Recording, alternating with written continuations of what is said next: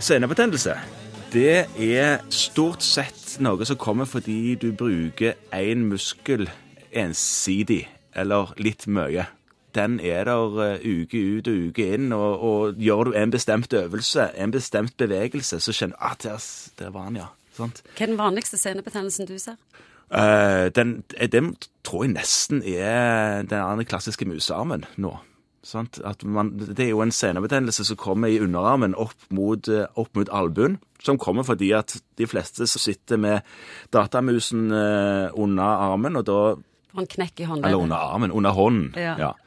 Det er veldig utypisk å ha den under armen. Men under hånden, og da har du en liten knekk i håndleddet. Og den knekken den må du jobbe for å opprettholde, ikke sant? Den, ellers så faller jo hånden ned igjen. Så det å holde den statisk der i åtte timer når du er på jobb, og så har du middagspause, og så er du foran PC-en hjemme òg kanskje, så sitter du der. Så får du det slutt i albuen.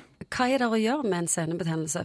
For jeg får inntrykk av at det er noe du tar med deg resten av livet. De kommer og besøker deg igjen. Ja, det, har du først fått en, så er, det, er, det, er du liksom eh, litt sånn eh, tilbøyelig for å få flere, altså, av de samme typene. Nei, det, er jo avlaste.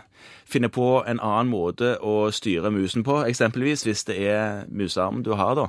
Og noen ganger så er det fysioterapeut som må til å hjelpe til. Noen ganger så må du ta sånne betennelsesdempende medisiner som kan hjelpe på. Så det er mange som ønsker seg den velsigna kortisonsprøyta som legen ikke er så glad i?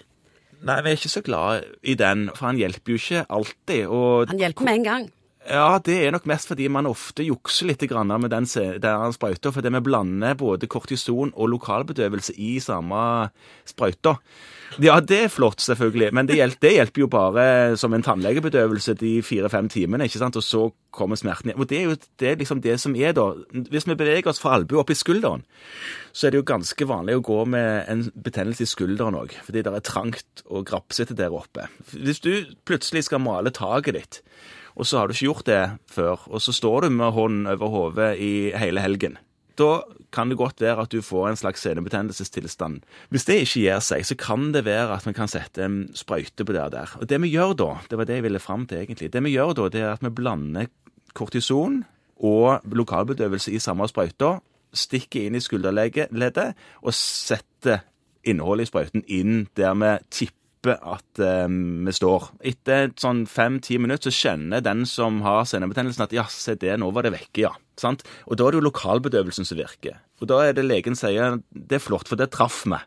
Nå vil du skjønne at smertene kommer tilbake igjen om en time eller to, og i morgen så er det like vondt igjen, men dagen etter det igjen så vil kortison begynne å virke, og da vil smerten etter hvert dempes.